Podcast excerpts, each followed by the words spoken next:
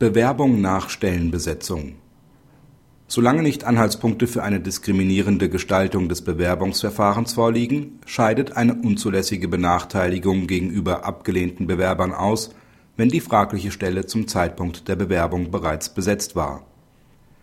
Der Arbeitgeber schreibt im Dezember 2007 die Stelle eines Entwicklungsingenieurs aus. Die Ausschreibung ist nicht befristet. Die Stelle wird am 17.12.2007 besetzt in der Folgezeit unterbleibt versehentlich die Löschung der Stellenausschreibung im Internet.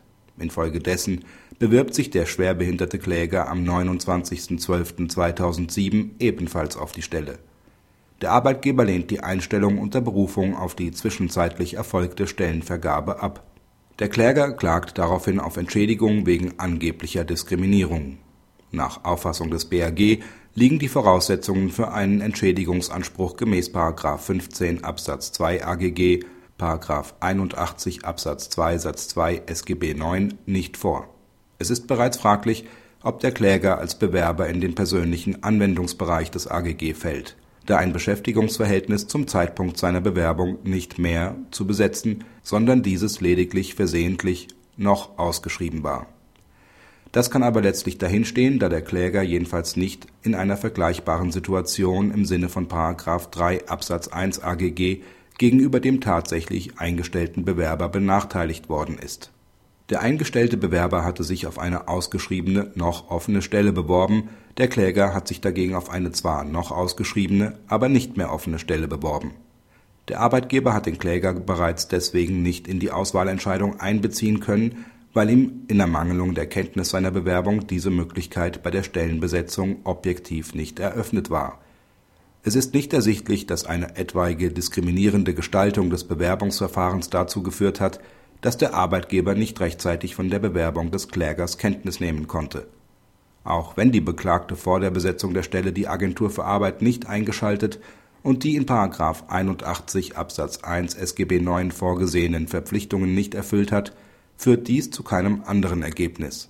Als die Beklagte diese Pflichtverletzung beging, fiel der Kläger noch nicht unter den persönlichen Anwendungsbereich des AGG, weil er sich erst zu einem späteren Zeitpunkt, nämlich dem 29.12.2007, beworben hat.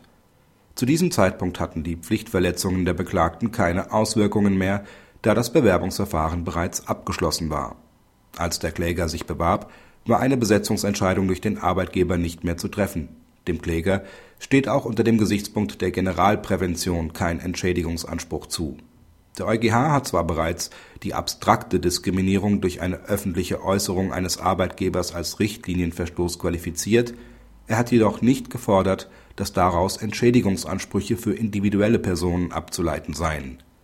Die Äußerungen des EuGH führen daher nicht dazu, dass der Kläger eine gesetzlich nicht vorgesehene Entschädigung verlangen kann. Praxishinweis die Entscheidung steht in scheinbarem Widerspruch zu einem früheren Urteil des neunten Senats, in dem einem verspäteten schwerbehinderten Bewerber bei ähnlicher Sachverhaltsgestaltung Entschädigungsansprüche zugesprochen wurden. Der einzige Unterschied besteht darin, dass der Arbeitgeber die ausgeschriebene Stelle im letztgenannten Fall vor Ablauf einer von ihm selbst gesetzten Bewerbungsfrist besetzt hat. Darin sah das BRG eine diskriminierende Gestaltung des Bewerbungsverfahrens und der verspätete Bewerber konnte sich erfolgreich auf eine unzulässige Diskriminierung berufen. Die Konsequenz aus dieser Differenzierung ist fragwürdig. Wer als Arbeitgeber seine offenen Stellen ohne Bewerbungsfrist ausschreibt, ist diskriminierungstechnisch im Vorteil, insbesondere dann, wenn er die offene Stelle zügig besetzt.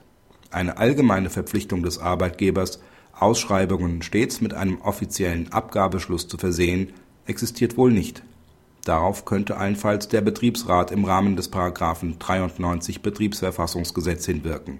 Ein erzwingbares Mitbestimmungsrecht besteht aber insoweit nicht. Ob die Rechtsprechung somit dem Diskriminierungsschutz dient, ist zweifelhaft